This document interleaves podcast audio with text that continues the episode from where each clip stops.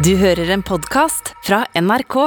Altså, grafosentrisme. Ja, det viser til det synet om at det skriftlige språket er det mest sofistikerte og avanserte. I motsetning til samtalen, da. Ja, sånn som vi holder på med nå. Ja.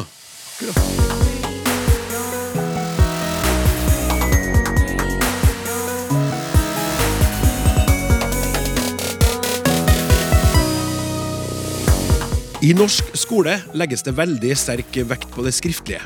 Det betyr at en elev som er oppvakt og talefør, men sliter med skrivinga, kan ende opp med dårligere karakterer og selvfølelse enn sine mer skrivekyndige klassekamerater. Du hører på Språksnakk, og det gjør du etter min mening helt rett i. I tillegg til å diskutere grafosentrismens pris, skal vi snakke om snøens metaforiske kraft, mens Svalbards første kvinnelige sogneprest er gjest i Ut med språket. Hun heter Siv Limstrand, og en fun fact, unnskyld, et fornøyelig faktum angående ukas gjest er at hun for 25 år siden via en viss mann som i dag er programleder i et visst språkprogram på en viss radiokanal. Nok om det. Skal du få gode karakterer på skolen, så er det en fordel å være flink til å skrive. Skriveferdigheter er viktig i norsk skole, og det betyr at elever som gjerne er faglig sterke, men ikke så god skriftlig, sliter mer med å nå opp. Språkforsker ved NTNU, Irmelin Kjelås, du kaller det her for grafosentrisme, og det begrepet må du utdype for oss nå. Ja, grafosentrisme det er jo litt sånn, eh, det er jo ikke et veldig vanlig utbredt begrep, eh, men det er en god beskrivelse av den tendensen til at vi vektlegger det skriftlige språket veldig sterkt. Og at det ligger nærmest en sånn implisitt forestilling der om at det skriftlige språket er mer sofistikert, mer avansert, mer akademisk. Og det er også det litterære språket. Eh, og det, det er jo en språkideologi. Sant? Det er jo en, et syn på hva språk er, og hva god språkkompetanse er. Eh, og den, eh, den, får noen konsekvenser både på, si, på samfunnsnivå, altså hvordan vi ser på samfunn som er mer eller mindre skriftkyndige.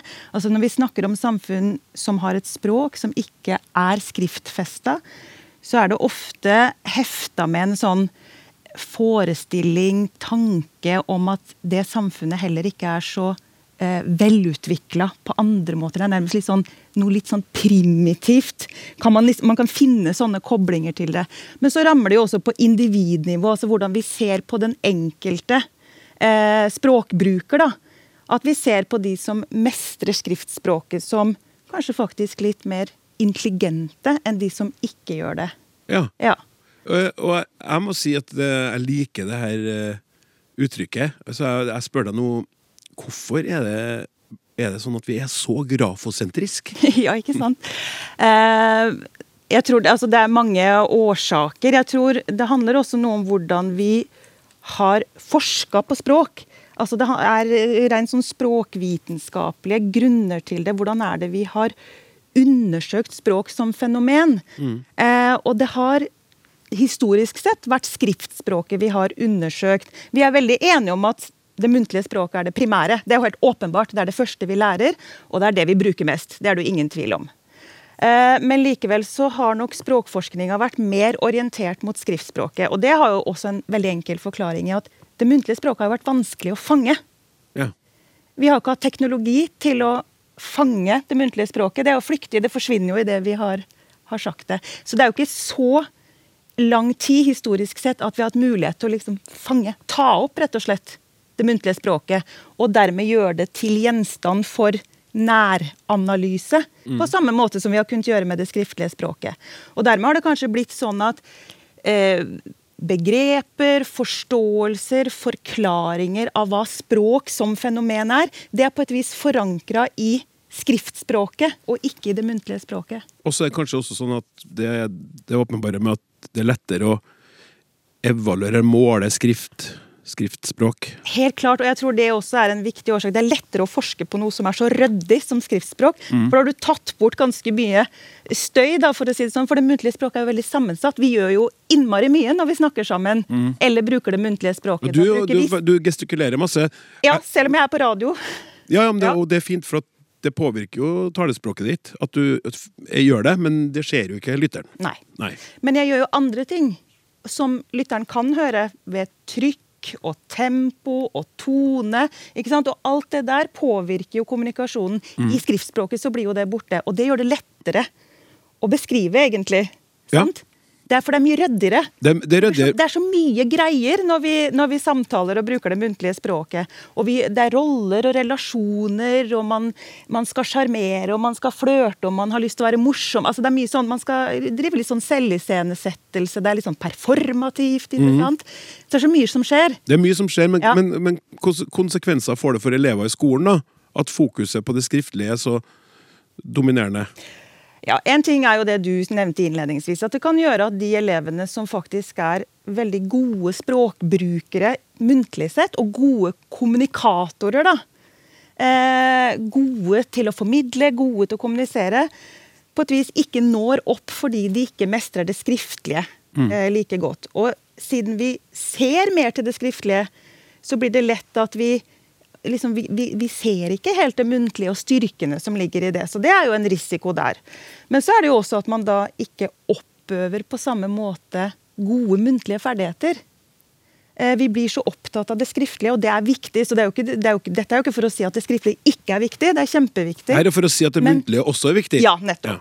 Og det er jo utvilsomt en kjempeviktig kompetanse eh, å oppøve gode muntlige ferdigheter. Eh, og innafor ulike sjangre, måter å bruke det muntlige språket på. Det er stor forskjell på om du skal eh, reflektere høyt sammen om et etisk dilemma, eller inngå i en debatt og argumentere skikkelig for en sak. Altså, det er jo ulike samtalesjangre som man trenger å eh, lære seg, rett og slett, å Ja. mestre. Og hvis man ikke har fokus på det muntlige, eh, vel, så oppøver man jo ikke de ferdighetene på samme måte. Et nydelig oppspark, Irmelin, til eh, Tone Holten Kvistad, eh, som også er språkforsker ved NTNU, Institutt for lærer, lærerutdanning, og som har gjennomført et prosjekt i en klasse på 7. trinn hvor du brukte en metode som kalles exploratory talk, men det må vi snarest mulig finne et norsk, norsk oversettelse for. Ja, det må vi. Vi må kanskje kalle det utforskende samtale. Ja. Hva, eh, hva er det? Kan fortelle om det? Eh, ja, eh, som Irmelin syns, er jo muntlig kompetanse skal jo um, oppøves i skolen. Og um, i norskfaget, da, som har et særlig ansvar for det. Og mitt prosjekt kan jo da være et eksempel på slik um, arbeid, eksplisitt arbeid med muntlige ferdigheter, da. Og samtalekompetanse.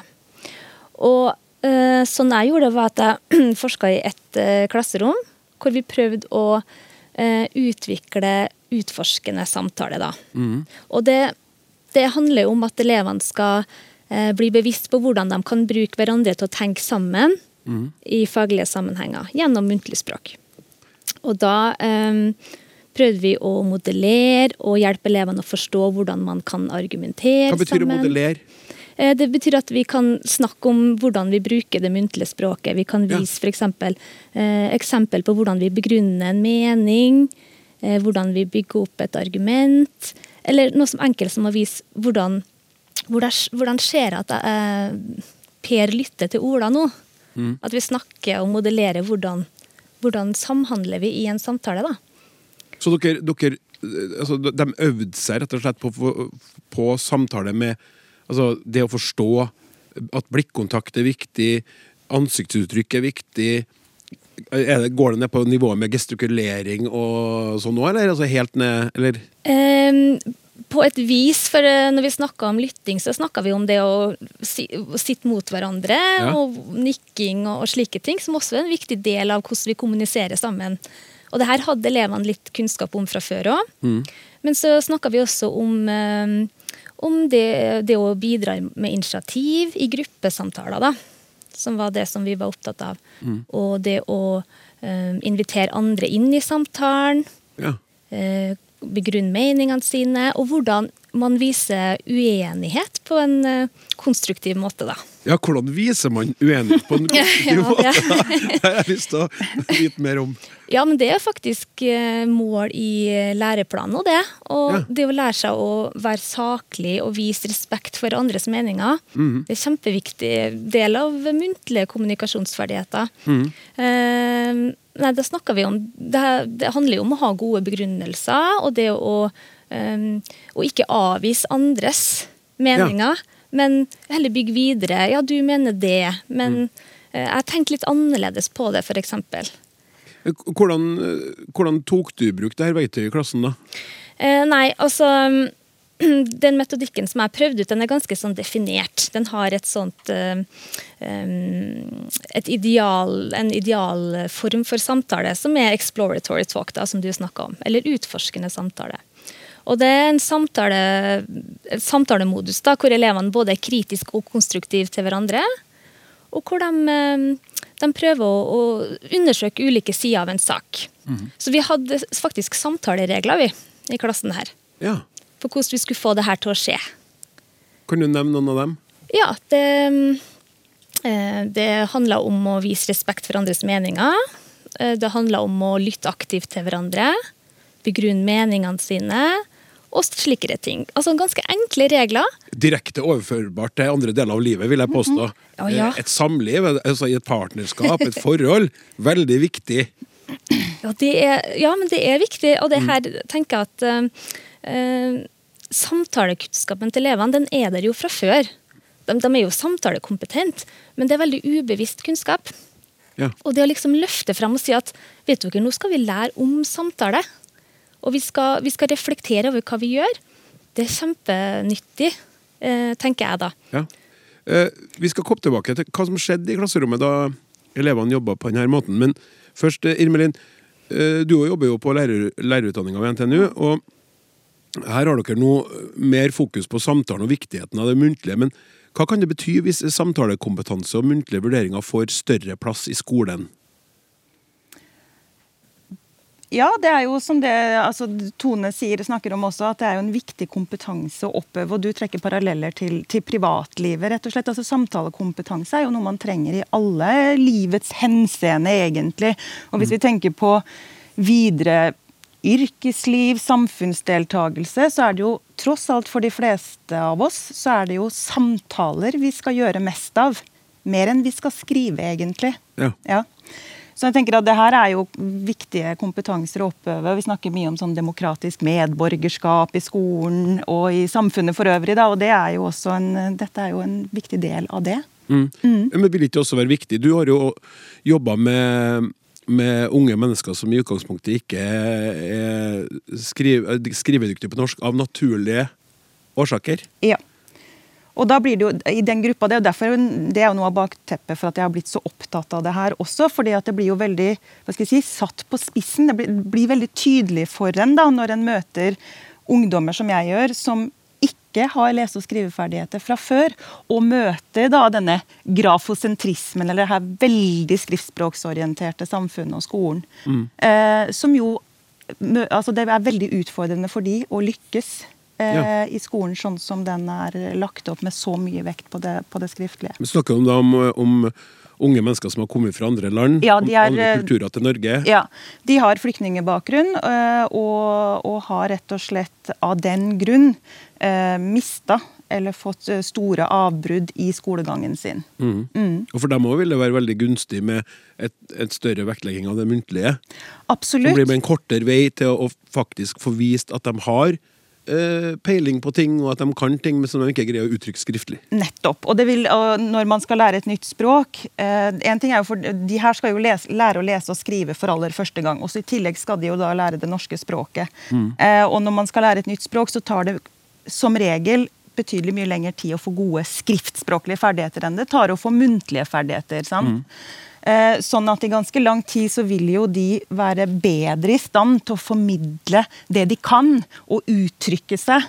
Og reflektere og argumentere og bidra og delta muntlig enn de er skriftlig. Og da må man jo legge til rette for det. Ja, og- For hvis ikke så gjør man jo Ja, nei, Ja, unnskyld. nei, nei, Nei. det er akkurat det. Jeg bare synes det, også, det er perfekt. Eh, Serv til meg igjen. Hva kan, eh, hva kan eh, lærerne gjøre for å styrke de muntlige ferdighetene hos elevene? da? Eh, Jeg tenker jo at man må, må se det at muntlig kompetanse det er ganske bredt. Mm.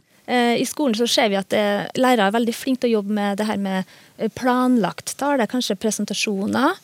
Eh, Det trener man godt og mye på. Men så er det jo Muntlighet er jo så mye mer. Det handler om, eh, om samhandling generelt, også spontan tale. da. Ja. Så tenker jeg kan spille litt videre på det du sa, Irmelin, det her med ulike forutsetninger og, og bakgrunner. Og det tenker jeg også, det er viktig at, eh, at lærere er bevisst på. da. Det handler ikke bare om de nyankomne. Det handler om at alle elevene vi møter i klasserommene, kommer jo fra ulike hjem og bakgrunner. Med ulike på en måte muntlige erfaringer med seg. Og vi, vi snakker litt, Når vi snakker om ulikhet, så snakker vi ofte om eh, litt sånn satt på spissen. da, At eh, det handler om hvor mange bøker man har i bokhylla hjem. Det har vi kanskje hørt. Men vi tenker jo også at det her med muntlige erfaringer og register hjemmefra, det har også noe å si. Det er ikke like naturlig for alle barn å delta i faglig diskusjon, f.eks. Hvordan gjør man nå egentlig det? Mm. har man gjort det rundt middagsbordet hjem? Eller er man, har man vært mest tilhører til voksnes Ja. diskusjon, f.eks.? Ja. Og det, ja, som du sier, det er ulike hjem, ulike bakgrunner. Og det er jo også noe som jeg ser veldig tydelig i møte med den elevgruppa jeg møter, at de har med seg andre erfaringer når det gjelder samtale. Både hjemmefra, men òg i skolen. At de kanskje har vært vant til å sitte eh, og lytte mer enn de har vært vant til å delta sjøl. Og da må man jo rett og slett oppøve de ferdighetene. Og en av elevene i, min, eh, i et av mine prosjekt, han sier det at jeg veit ikke hvordan jeg skal forklare det jeg har inni meg, for jeg har ikke lært det. Nei. Nei, sant? Men vi tar ofte samtaleferdigheter for gitt. Fordi Ja. det er jo så naturlig. Det, det, alle tilegner seg det. Alle kan prate. Mm. Og så glemmer vi litt at det er faktisk også noen ferdigheter eh, Ja, når i vi tar det for gitt i tillegg til at vi egentlig også kanskje sånn, i hvert fall på et visst nivå tar skriveferdigheter for gitt. Når du er på et visst trinn i skolesystemet, så skal du ha Ja. Og så i tillegg så skal du jo ha grunnleggende verbale ferdigheter. Mm. Og hvis du da ikke innfrir på noen, noen av de tingene, så kan du jo begynne å slite. da. Da er det veldig vanskelig. Så hvordan kan skolene legge til rette da for å gjøre flere muntlige vurderinger av elevene? Ja, det, det, vi, må jo, eh, vi, vi må jo nyansere litt. Jeg tror jo skolen har blitt veldig mye bedre. Ja. eh, virkelig enn det, enn det den var da jeg gikk på skolen, f.eks. Mm. Det er mye mer arbeid med muntlighet, og ikke minst muntlige vurderinger i dag enn det det var tidligere. Eh, og det handler jo også om at man har teknologi til å hjelpe seg på en helt annen måte. Nå går jo alle elever med en opptaker i lomma til enhver tid. Mm. Det gjorde jo ikke vi da vi gikk på skolen. Nei. Så jeg ser jo det at uh, elever lager podkaster og sender inn via en eller annen plattform til læreren sin. De leverer ferdiginnspilte snutter av alt mulig slag, sant? Muntlig. Det hadde ikke vi mulighet til da vi gikk på skolen. Så det, ting har jo endra seg mye. både Verden går framover, tross alt. Den gjør det, men det er fortsatt eh, et stort potensial der ute, vil jeg si. Ja, og Ja. eh, det, blant annet så har vi denne undersøkende samtalen, Tone. Som du har testa ut i en 7. klasse. Hvordan gikk det egentlig med gjengen du utsatte for det her? Jo, um, um, vi jobba jo over en fire måneders periode her, da. Eh, med å sette samtalen i forgrunn. Nå skal vi, vi skal øve på det her nå, og bli bevisst. Og jeg så eh, at denne elevgruppa den ble mer samtalebevisst, altså. De, eh, det var litt artig å se, når det, for at de skulle jo samtale f.eks. om en tekst. da. Det er en sånn typisk norskfaglig samtalesituasjon. Ja.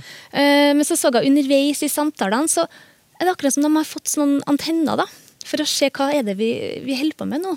Å ja, nå, nå må du ha et argument. Nå må du begrunne meninga di. Ja. Hva mener du egentlig? Er dere enige med meg nå? Uh, og så hendte det også at de liksom um, kommenterte hverandres samtaledeltakelse. Da. Nå, nå er det lenge siden du har sagt noe. Og, uh, men også rette mot seg sjøl. Nei, nå må kanskje jeg bidra litt her. Ja. Så det her synes jeg var litt sånn artige tegn på å se at oi, nå begynner de å få øye på hva er det vi gjør når vi samtaler. Og det tror jeg er masse nytte i den kunnskapen. da. Mm. Men det skal sies, det var ikke selvsagt for de her elevene at, eh, at samtalen skulle ha så stor plass, og at man skulle komme med noen forventninger til hva de skulle gjøre. Eh, I en av de første liksom, undervisningsøktene så var det en elev som sa at nei, altså, vi kan ikke lære noe av hverandre, vi. Vi er jo bare tolv år. Og da, altså, da har du ikke eh, et godt grunnlag for å jobbe med gruppesamtaler. Mm. Utforskende gruppesamtaler, da, egentlig. Så da måtte vi også jobbe litt sånn holdningsarbeid, da. Og elevene fikk flere og flere erfaringer med at ja, det var jo interessant det han sa. Vi kunne jo bygge litt på hverandre her. Vi har jo noe å bidra med. Ja, og så på, på liksom På avslutninga, da, så var det en som sa at Ja, men jeg ser jo at eh, hvis man sliter med å tenke gjennom noe, så kan de andre i gruppa hjelpe deg å tenke. Og da tenker jeg at da, da har de oppdaga at de kan være ressurser for hverandre da, i den faglige samtalen. Og da tenker jeg at det er nøkkel da, for å, å jobbe utforskende. Det der var en helt perfekt eh, avslutning på denne samtalen.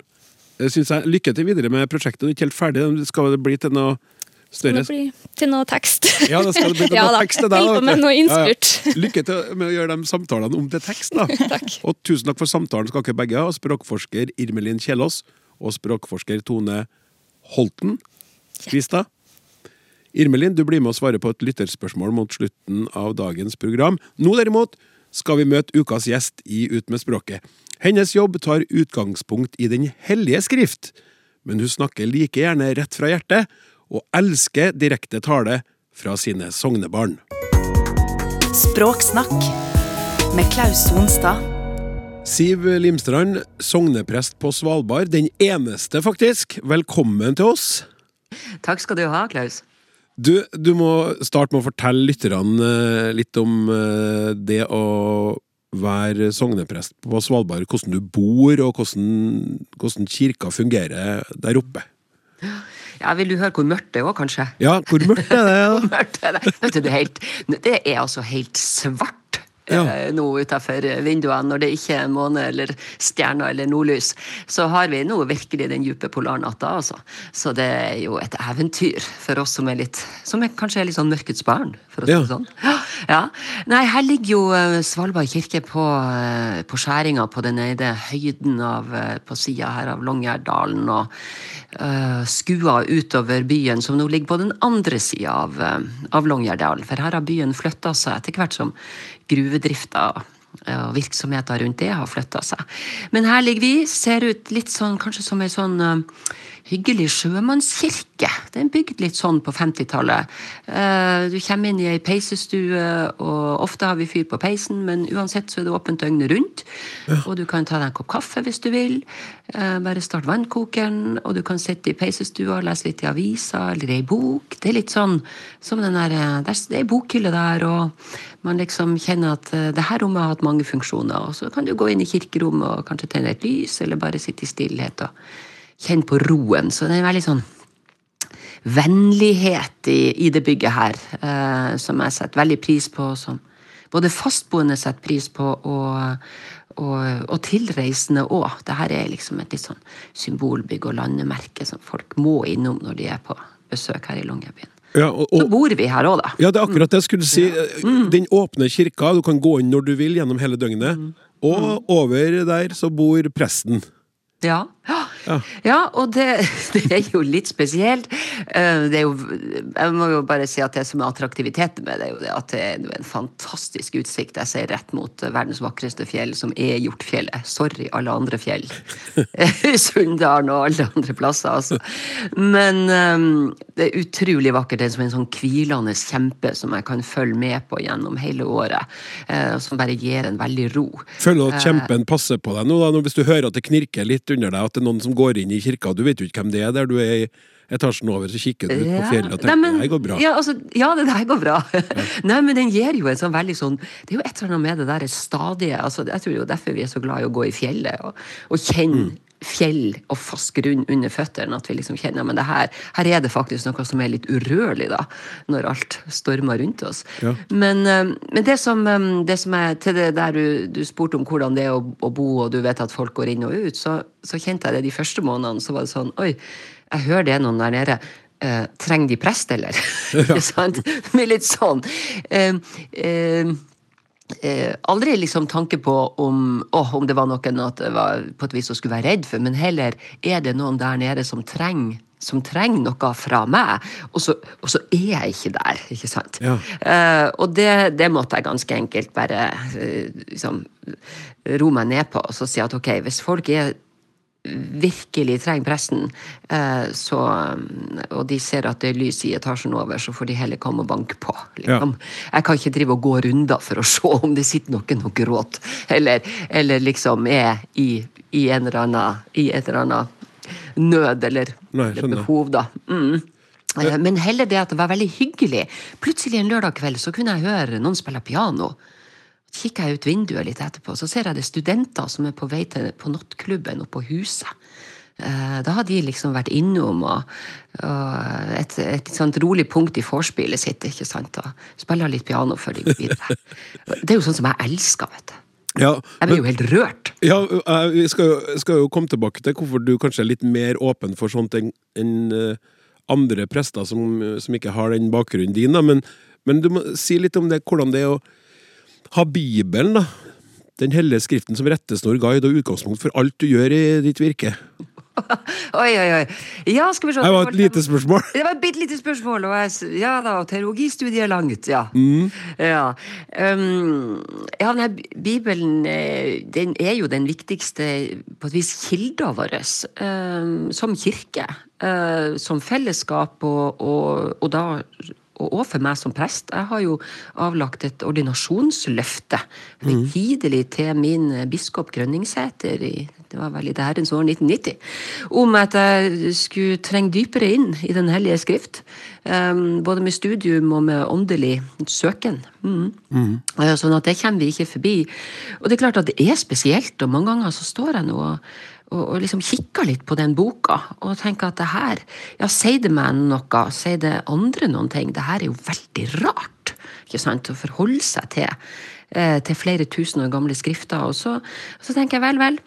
Eh, jeg står i ei lang rekke av, um, av teologer og, og, prester, og jeg får prøve å bruke mitt, det jeg har både av kunnskap og av intuisjon og menneskekunnskap, og, og, og, prøve å forstå det her på, på, best mulig måte og, og, prøve å gi mening ut av det. Mm. Um, så, men det, det, er jo faktisk sånn at altså, vi, vi styres jo Hvis man tenker liksom på, på um, arbeidet mitt som prest, eller hvis jeg tenker på det gudstjenestelige arbeidet mitt som prest, så har vi mm. Bibelen å forholde oss til, men så har vi jo òg liturgien. Ja. Det som er den derre eh, ramma som vi Altså det som er selve gudstjenesten. Og det var jo faktisk norsk lov, det tidligere.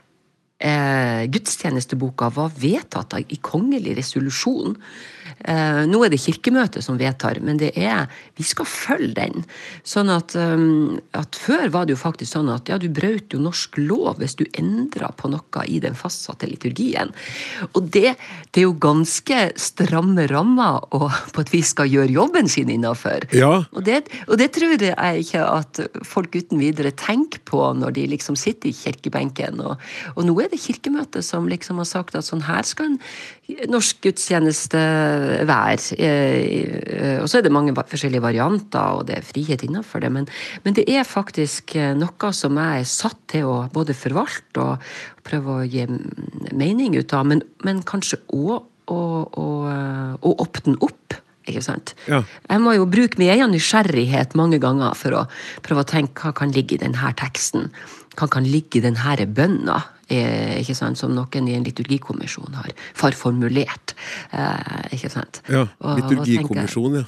Ja, ikke sant? Mm. Vi holder oss jo med sånne ting.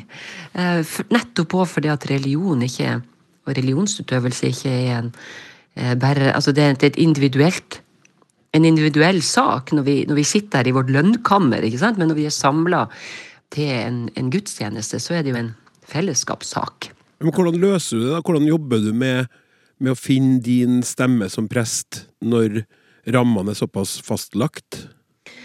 Vet du, Mange ganger så, veldig, så kjenner jeg stor frihet knytta til det.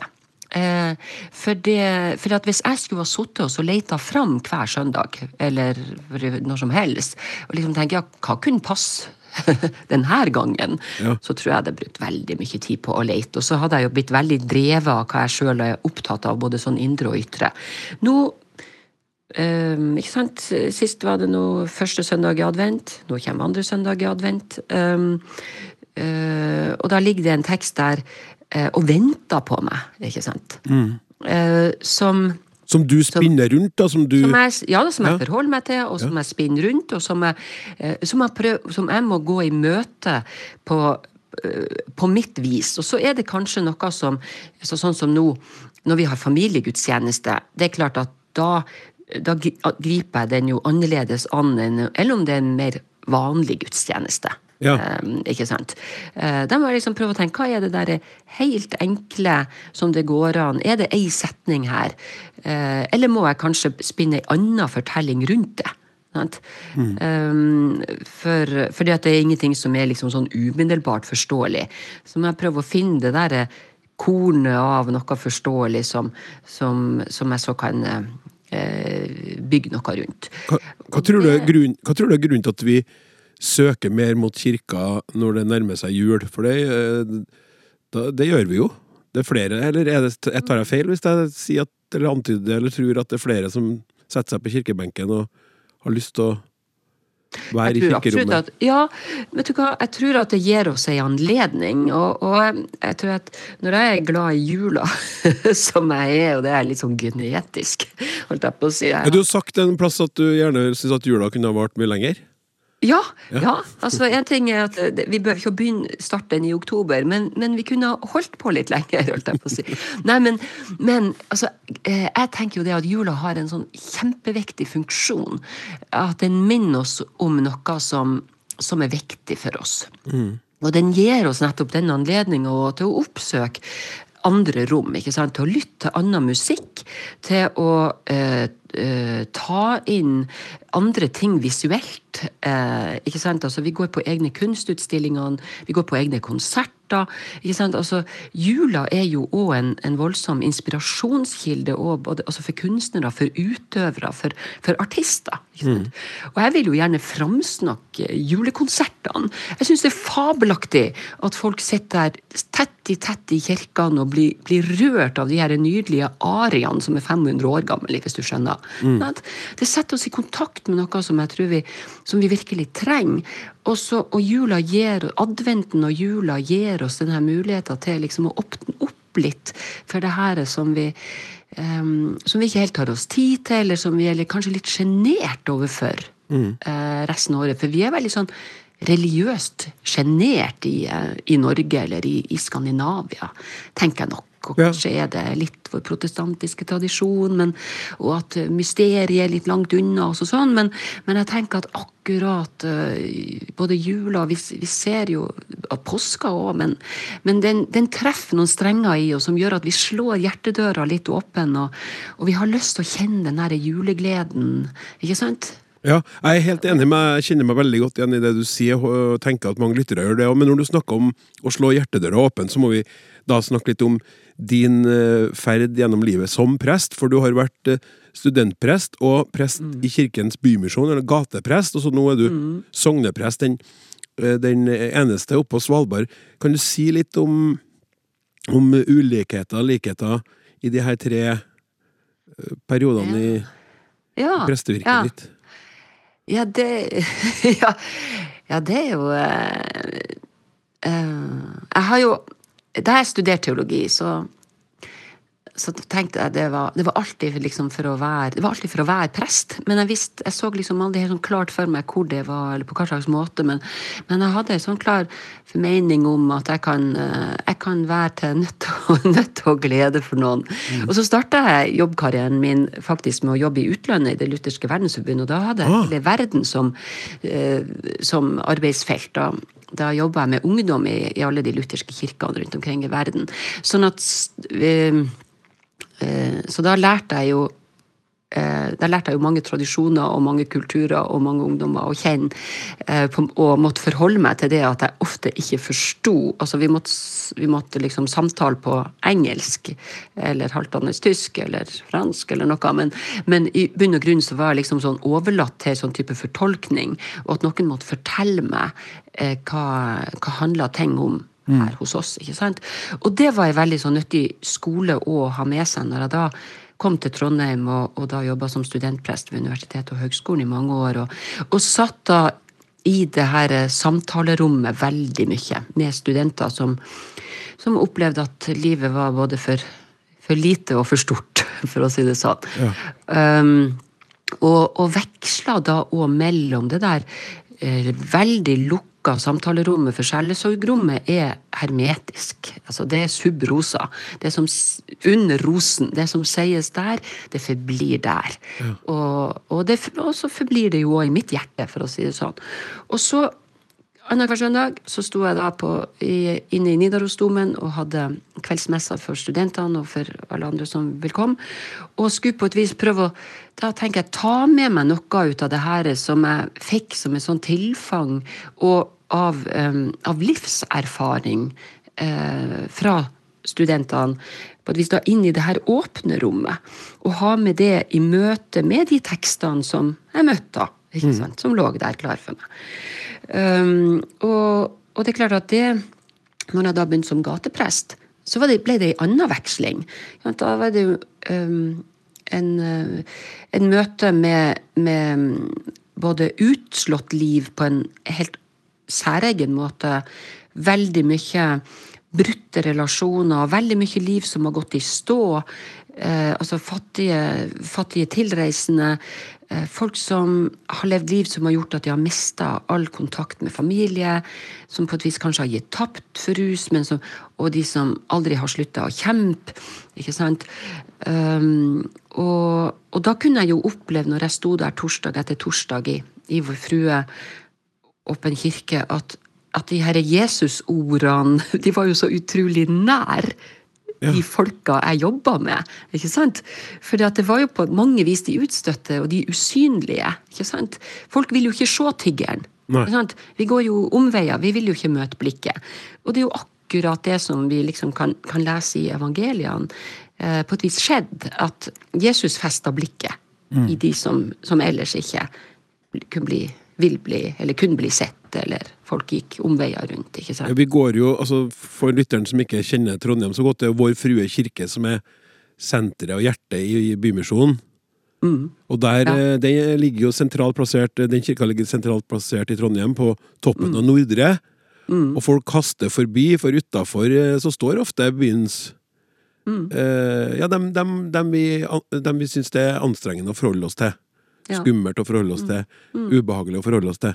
De går inn og setter seg på kir kirkebenkene. Ja. ja.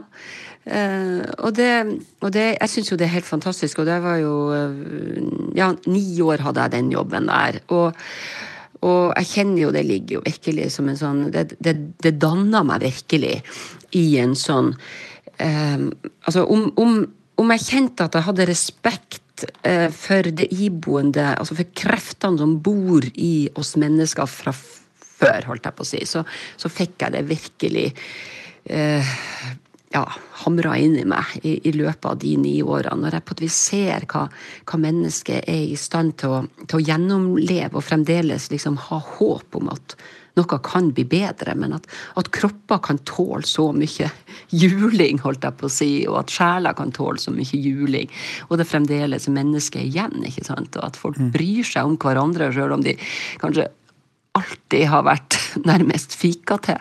Ja. Um, Men du må, du, må si, du må si noe om hvordan det var å holde, holde prekener, eller å snakke til forsamlinga der, for det, var, det, det, var, det tror jeg er ganske annerledes enn det vanlige Eller Ja. i vanlige sogn, da, altså sogneprester som Ja. har eh, Ja. eh, sånn eh, folk flest som sine sognebarn. ja, Hva, hva nå enn Ja, folk ja, flest er? Du må fortelle om det. Hva enn folk flest, er Ja, jeg vet, at jeg vet. eh, Ja, ja, ja, Ja. fordi at jeg bare tenker at det som, eh, det som var det, liksom det, det, fabelaktige med å stå, stå der uh, altså, uh, og holde messe under galleriet etter suppeserveringa, så, tors, så starta torsdagsmessa, og vi tenner lys, og, og, og, presten holder en forholdsvis uh, kort, og den bør helst være liksom poengtert preiken, eller så kunne det liksom komme kom til poenget, prest. Ikke sant? Nei, så det var liksom òg en sånn skole i at folk lytta oppmerksomt på en annen måte, tror jeg, enn enn eh, mange prester og talere faktisk er vant til. For det var sånn folk, folk lytta og forventa at man hadde noe på hjertet. Mm. Uh, uh, så så det var jo slett ikke uvanlig å, å få preikena avbrutt eh, av noen som kom på noen ting. Jeg først, hvis jeg først hadde sagt noe som traff litt, og som man enten da var enig eller uenig i.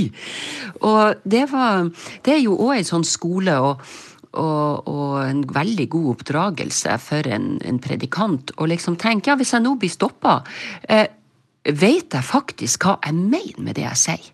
Mm.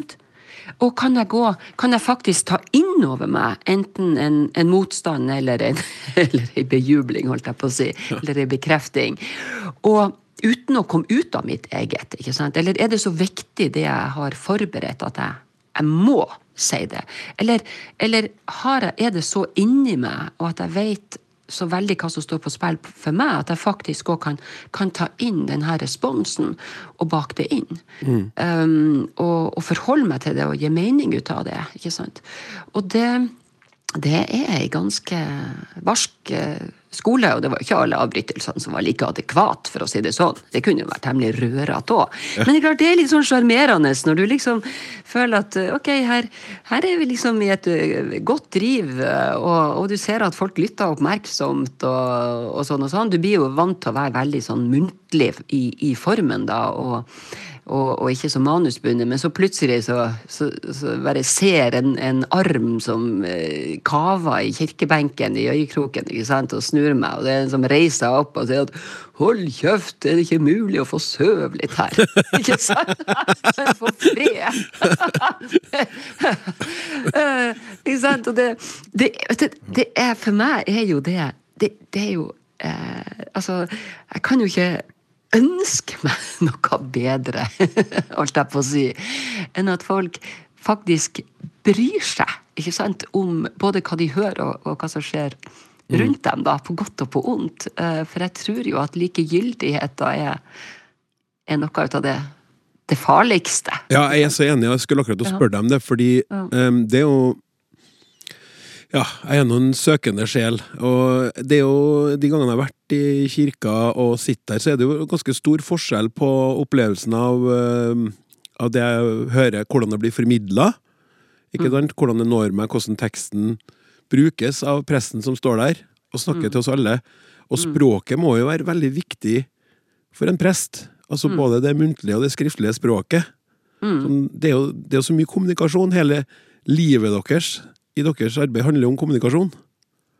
Ja, ja det gjør det. Og, og jeg tenker at um, det som da er fordelen når jeg nå har vært uh, prest i over 30 år, det er jo det der at jeg, jeg, jeg finner jo kanskje mer og mer min, min, egen stemme, eller mine egne stemmer, for de, de, må faktisk være litt forskjellige, alt dette, etter hva som er, er settingen. Mm. ikke sant? Og, og, og, hva som står på spill. ikke sant? Det er klart at uh, i en i en vielse så, så vet du Du vet hvor tankene er hen, både for det brudeparet og til, til, gjestene som er der. ikke sant? Mm. Um, og da er det jo sant, da, Det er klart at det er en helt annen stemning. det er noe helt, det er helt og, og du skal, øh, og må være veldig nøye med hva, og tenke over hva er det du vil at folk skal ta med seg ut herfra. og Det kan være styrkende for dem. Mm. Og likedan i en begravelse. ikke sant?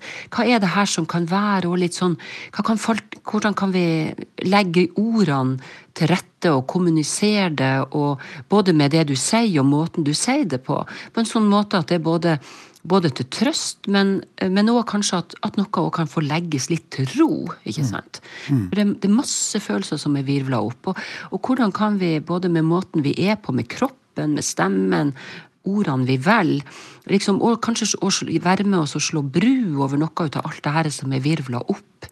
Eh, og folk kan gå ut med, med en, en ja, men Kanskje litt mer fred, da. Og, og likedan eh, på de her uh, søndagsgudstjenestene. Nettopp er det en familiegudstjeneste, så, så er det jo et poeng at du kjenner at det er litt sånn livlig. ikke sant? Altså, at de ungene som er der, at de skal kjenne at deres livskraft og livsvilje og livsglede åh, den minner oss om noe hellig, ikke sant? Oss voksne. Og, sånt. Uh, og, og da, da er det faktisk et poeng at man heller finner en måte Ok, hvordan kan vi få volumet til å øke, i stedet for å drive At man liksom tenker å, nå skal det hysjes, ikke sant? for nå skal det sies noe viktig. Så må man jo kanskje hysje én gang, ikke sant? Fordi at det er faktisk et poeng kanskje at et barn kan få løfte stemmen sin, og da må de andre høre. Mm. Men um, um, men jeg tenker at, at eh, det er akkurat det der også å bli, for meg i hvert fall, gjennom de her 30 årene, så, så kjenner jeg at jeg, at, at, at jeg blir tydeligere overfor meg sjøl. Altså, hva er den her, hva er oppdraget denne dagen? Hva er det jeg skal løse nå? Og så finner jeg måten på det.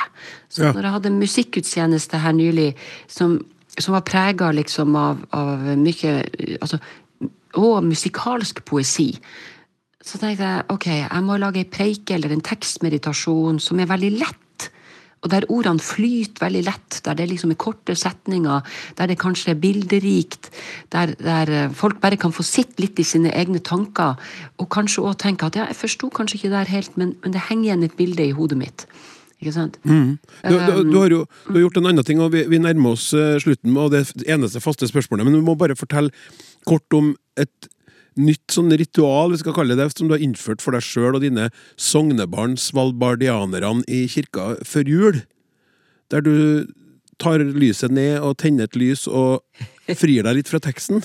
Ja, ja du eh, eh, jeg, har, eh, jeg har funnet ut at kanskje det der skal være eh, min måte å, å holde julepreike på.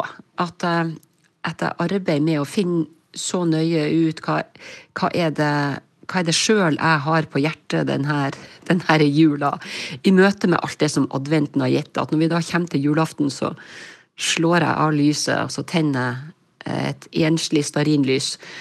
Og da kan jeg ikke lenger lese, ikke sant? Men da må jeg ha bestemt meg for hva er det vi på et vis skal se og, og, kunne, kunne lytte til eh, i, i lyset av det her enslige lyset. Eh, eh, og det jeg er jo veldig spent på altså Nå, har jeg jo, nå, går, nå er det, går jeg mot tredje jula jeg skal gjøre det her. Eh, og, og hvordan det her kommer til å utvikle seg over årene. Um, men, men jeg kjenner at det ga òg en sånn umiddelbar respons hos, hos folk, fordi at nettopp òg det gir, det gir jo tilhørerne og hele menigheten en sånn anledning òg til faktisk å fokusere på det lyset, og, og ikke på om og ikke på presten på preikestolen, for å si det sånn. Sånn at man, også kan jeg tenker også at man kan gjøre ordene da også til sine egne, på et vis. Og, og det er jo det jeg tenker at vi er i hele min prestegjerning er, eh, er ute etter. Altså de, de ordene som jeg prøver å, å fravriste. Altså vi prøver jo å, å, å finne ord på noe utsigelig, ikke sant? Eh, vi prøver å finne ord på noe som egentlig ikke det kan sies så mye om. Og hvordan oppnår vi det her? Eh, sånn at det kan bli til noen erkjennelser, sånn at det kan bli til noen håp. Sånn at det kan bli til noe livsmot og til kjærlighet og vennlighet. ikke sant? Jeg skulle likt å vært der. jeg må bare si det. Du, du sier at du er spent på hvordan det skal utvikle seg, men så vet du også veldig godt som prest at alle gode ting er tre, så denne gangen så må det jo bli helt fantastisk. Ja, vi, vi får se. Men, men, men det er jo et eh, litt sårbart eh, Altså en, en litt sårbar, eh, en sårbar ting å gjøre, for så vidt. Men jeg tenker at, at man må jo opp Jeg tenker at ja, men det, kanskje det her Jeg byr på meg, på meg sjøl på det her, ikke sant? Og, og det, det Jeg tror det kommer noe, noe godt ut av det. Det, det tror jeg òg. tenker at det er noe man kan gjøre når man har vært eh, prest ei stund, og kanskje noe som ikke nødvendigvis en- ligger naturlig for en helt nyutdanna prest, men for all del prøv hvis du det Men når du har holdt på si, år de er så flinke, de unge! Ja, de ja, ja sorry, så det var ikke, det var ikke for å snakke der. Ja, ja, ja. Nei, nei, vi går ikke dit nå. Kjære Siv Limstrand. Ja. Svalbards første kvinnelige sogneprest. Ja. Ut med språket. Hva er ditt favorittord? Ah, eh, altså ehm, jeg, jeg, jeg er veldig glad i, eh, eh, i ordet paradoks. Paradoks. Ja. Ja. var... Eh, av, men, men jeg bruker det nok ikke så mye. nei. Men, men jeg tror at ehm, At ehm, altså, Men jeg kjenner at jeg veldig ofte tenker sånn, og jeg veldig ofte snakker med et sånn underliggende paradoks. Ja.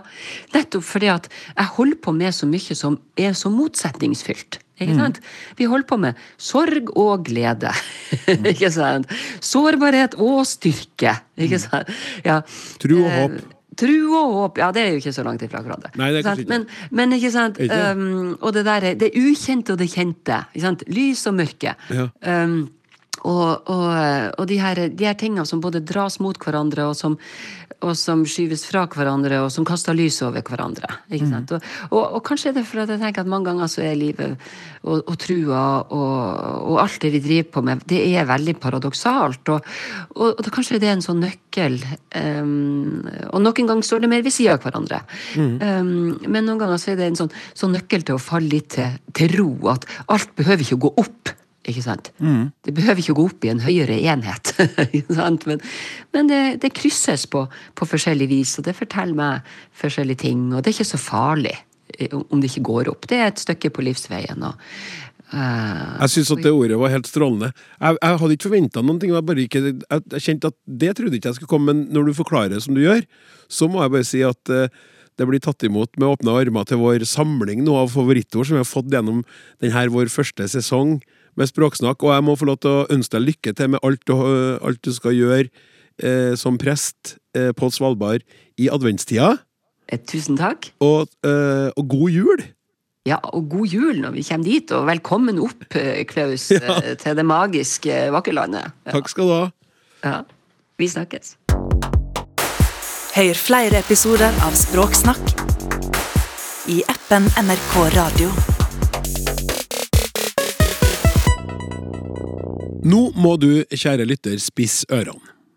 Neste uke er det klart for nynorsk spesial i Språksnakk, og i den forbindelse vil vi svært gjerne høre fra deg. Hva mener du om nynorsken? Står den ditt hjerte nær? Har du aldri skjønt vitsen? Er nynorsken deg fremmed, eller en venn både til hverdags og fest? Vi har to likestilte skriftspråk i Norge, bokmål og nynorsk. Er de faktisk likestilt? Og hvis ikke, syns du det er greit? Bør vi la nynorsken dø en stille død, stadig mer minimalisert av bokmål og engelsk? Eller skal vi løfte landsmålet opp og frem, sånn at det får den plassen det fortjener? Ta tastaturet fatt og skriv til oss på nynorsk eller bokmål. Snakk krøllalfa nrk.no. Snakk krøllalfa nrk.no. Og nå skal vi over til ei som har brukt akkurat den e-postadressen for å nå oss, og hennes eh, elektriske brev handler om tungespissblottinga vi snakka om i forrige episode. Hei til dere i Språksnakk! For noen år siden ble en ganske pen svensk sangerinne, kanskje hun het Sara Lurer på om det kan jo snakke om Sara Larsson, jeg vet ikke. Intervjuet på et talkshow, kanskje det var Skavlan, og jeg ble sittende og stirre. Tungen hennes kom kjempelangt ut av munnen hennes stadig vekk. Det skjedde hver gang hun uttalte lang vokal av bokstaven I. For eksempel når hun uh, det om hvita, hvita blommor. Hvita, jeg får ikke til å Hvita blommor. Hun snakket en bred, kjent svensk dialekt, kanskje stockholmsdialekt. Etterpå stilte jeg meg foran speilet og etterlignet hennes dialekt. Da stakk også min tunge langt ut av munnen. Det var umulig å snakke hennes dialekt uten at tunga kom langt ut.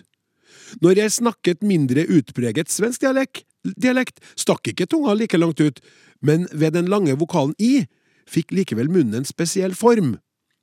Da trakk jeg følgende konklusjon. En person som er fullstendig døv, vil kunne fortelle hvilket språk og hvilken dialekt som blir snakket hvis vedkommende har lært seg koden for akkurat det språket og den dialekten. Hva tror dere? For øvrig har jeg stått foran speilet de siste dagene og funnet ut at man også kan stikke ut tunga når man sier på engelsk thin og til nød there. De ligner på lydene D, T, N og en type L som dere snakket om. Lengst ut kommer tunga ved lang svensk I, I, I, i noen av de svenske dialektene. Ved kort svensk I skjer det absolutt ingenting med tungespissen. Vennlig hilsen Mette Tangen i Stavanger. Mette, en varm takk tilbake til deg for det her eh, herlige innspillet, men nå skal vi over til noe kaldt.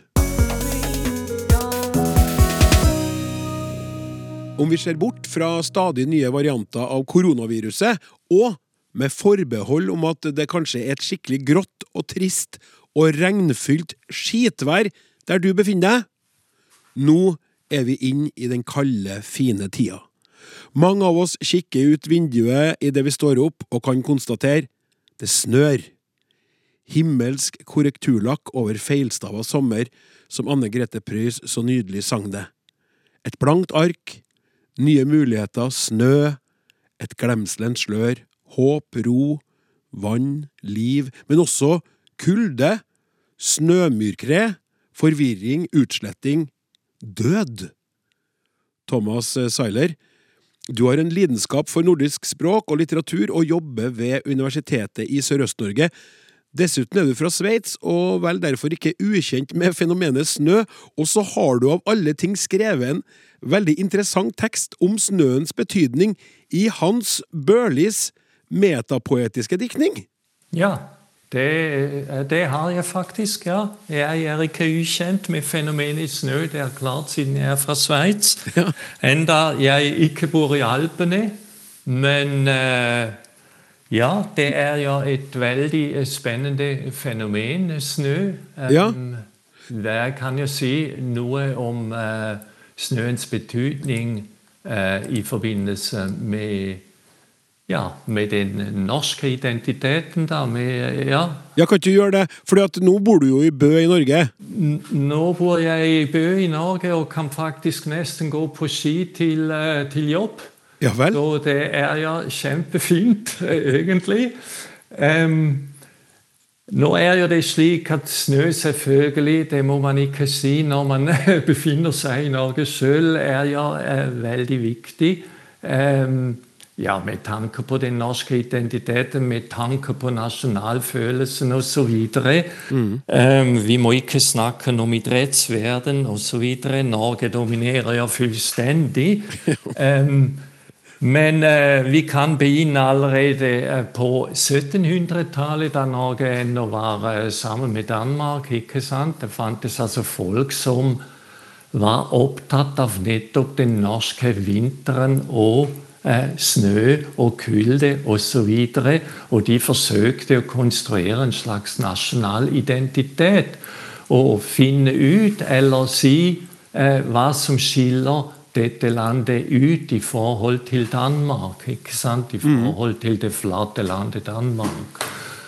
Og det fins en eh, prest og dikter som het Johan Nordahl Brun, som skrev et veldig kjent dikt som flere av hørere kanskje kjenner til.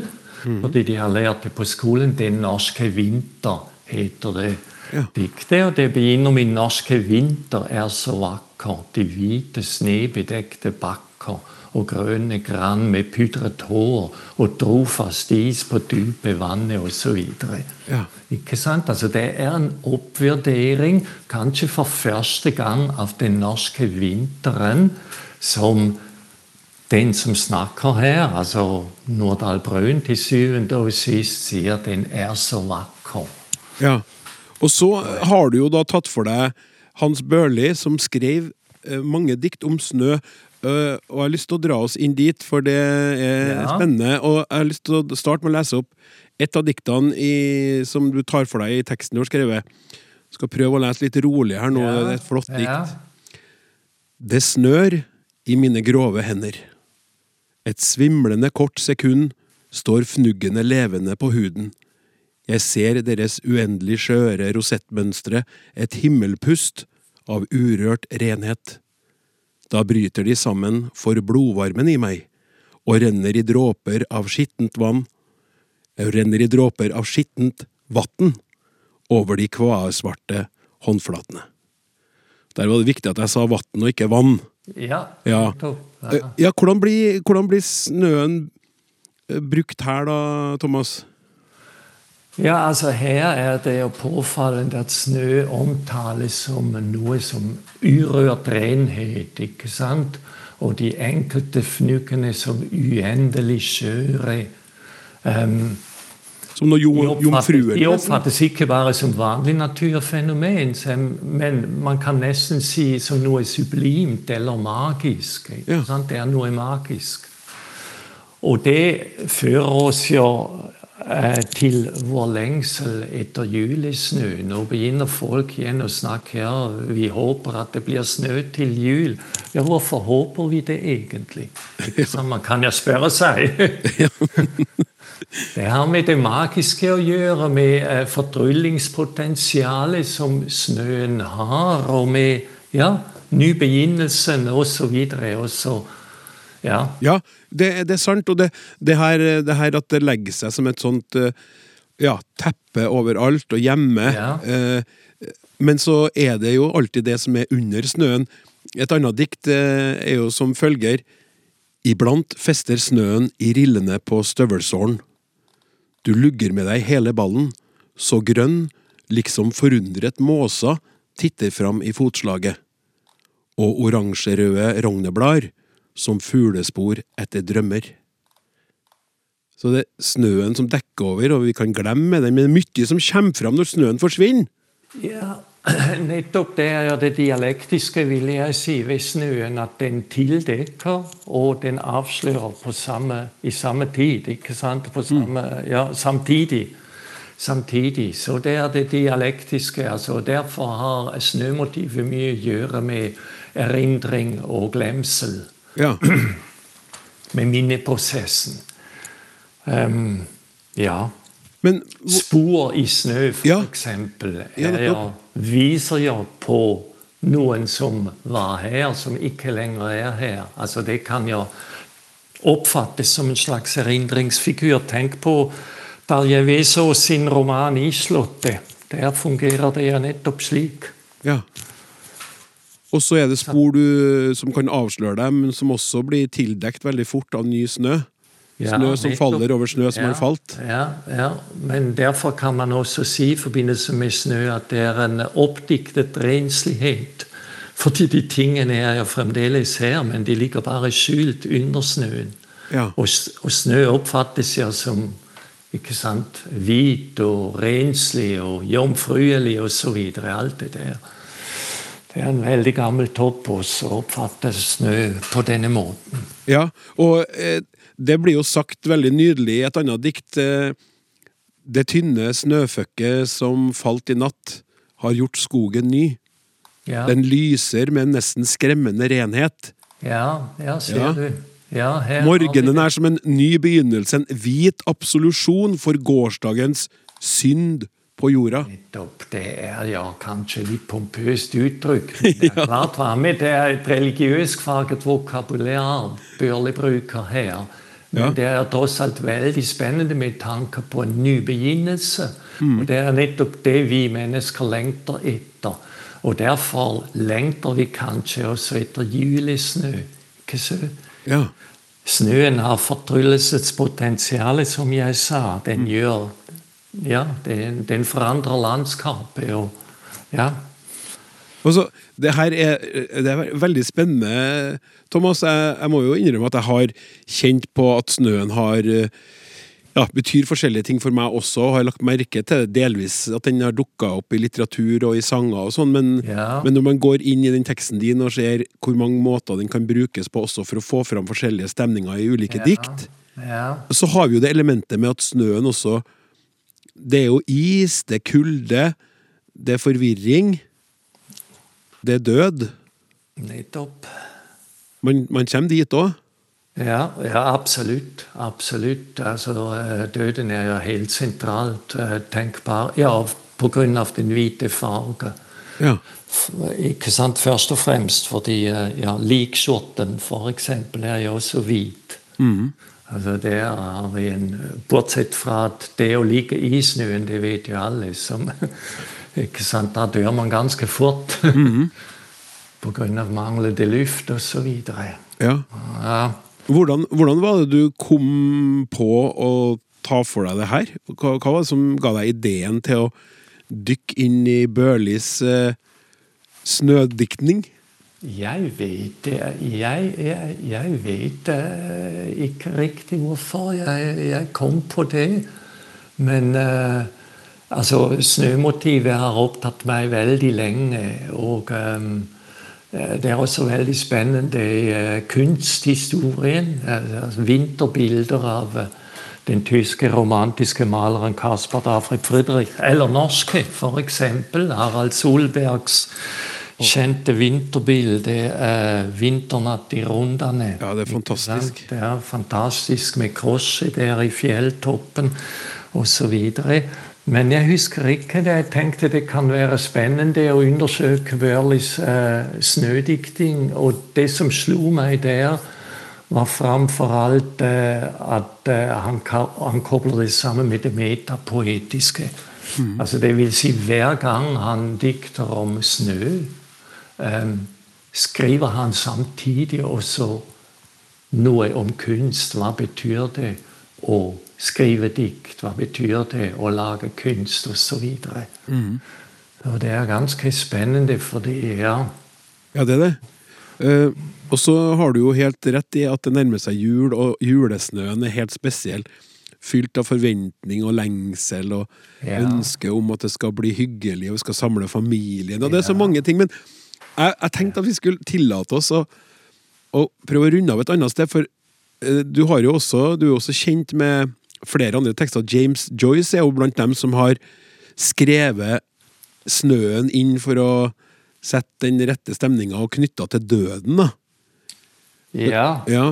Skal, ja. Vi, skal, Vi, tillate oss å, å, ende der, eller skal vi advare lytterne, eller si til lytterne at de kan lete videre etter spor av snø i litteratur, kunst og musikk og, og film, mens eh, vi runder av med litt om snø og død uh, i James Joyce sin versjon. Ja, vi kan jo det. Enda jeg, uh, som jeg sa, jeg husker ikke så godt akkurat denne teksten. Nei, men du hadde lest den. Jeg hadde bare funnet den fram for anledninga, så nå leser jeg, så vil du sikkert minnes det. Ja, ja. Ja. ja. Sneen falt også over hele den ensomme kirkegården på Åsen, hvor Michael Fury lå begravet.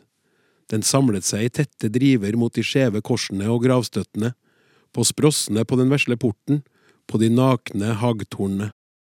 Hans sjel svant langsomt hen idet han hørte sneen som falt lett gjennom verdensrommet, og lett falt som en siste slutt over alle levende og døde.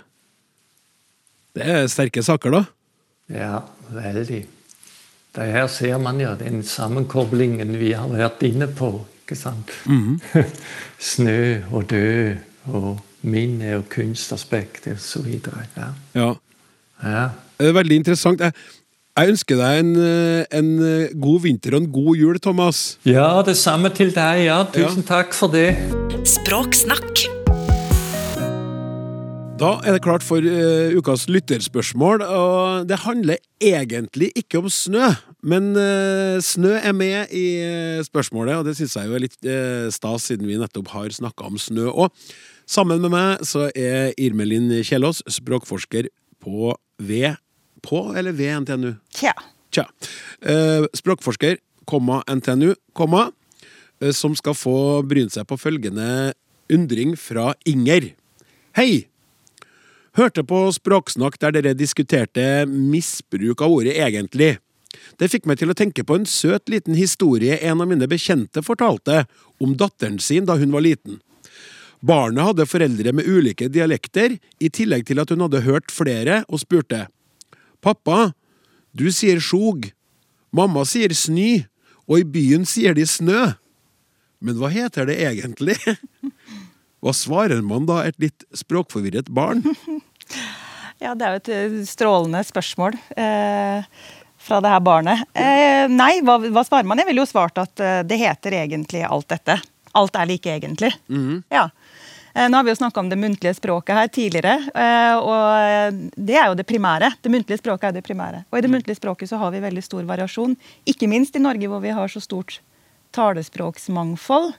Og da er jo alle disse ulike variantene akkurat like egentlige. Ja. Ja. Eh, Og her vil jeg jo si at den eh, lille jenta bruker egentlig på en ganske presis plass. ja. For her, Absolutt. for at du, sånn, det vi snakka om den gangen, var sånn at man sier sånn Ja, men hva mener du egentlig? Hva er det egentlig denne filmen handler om? Mm. Ikke sant? Sånn.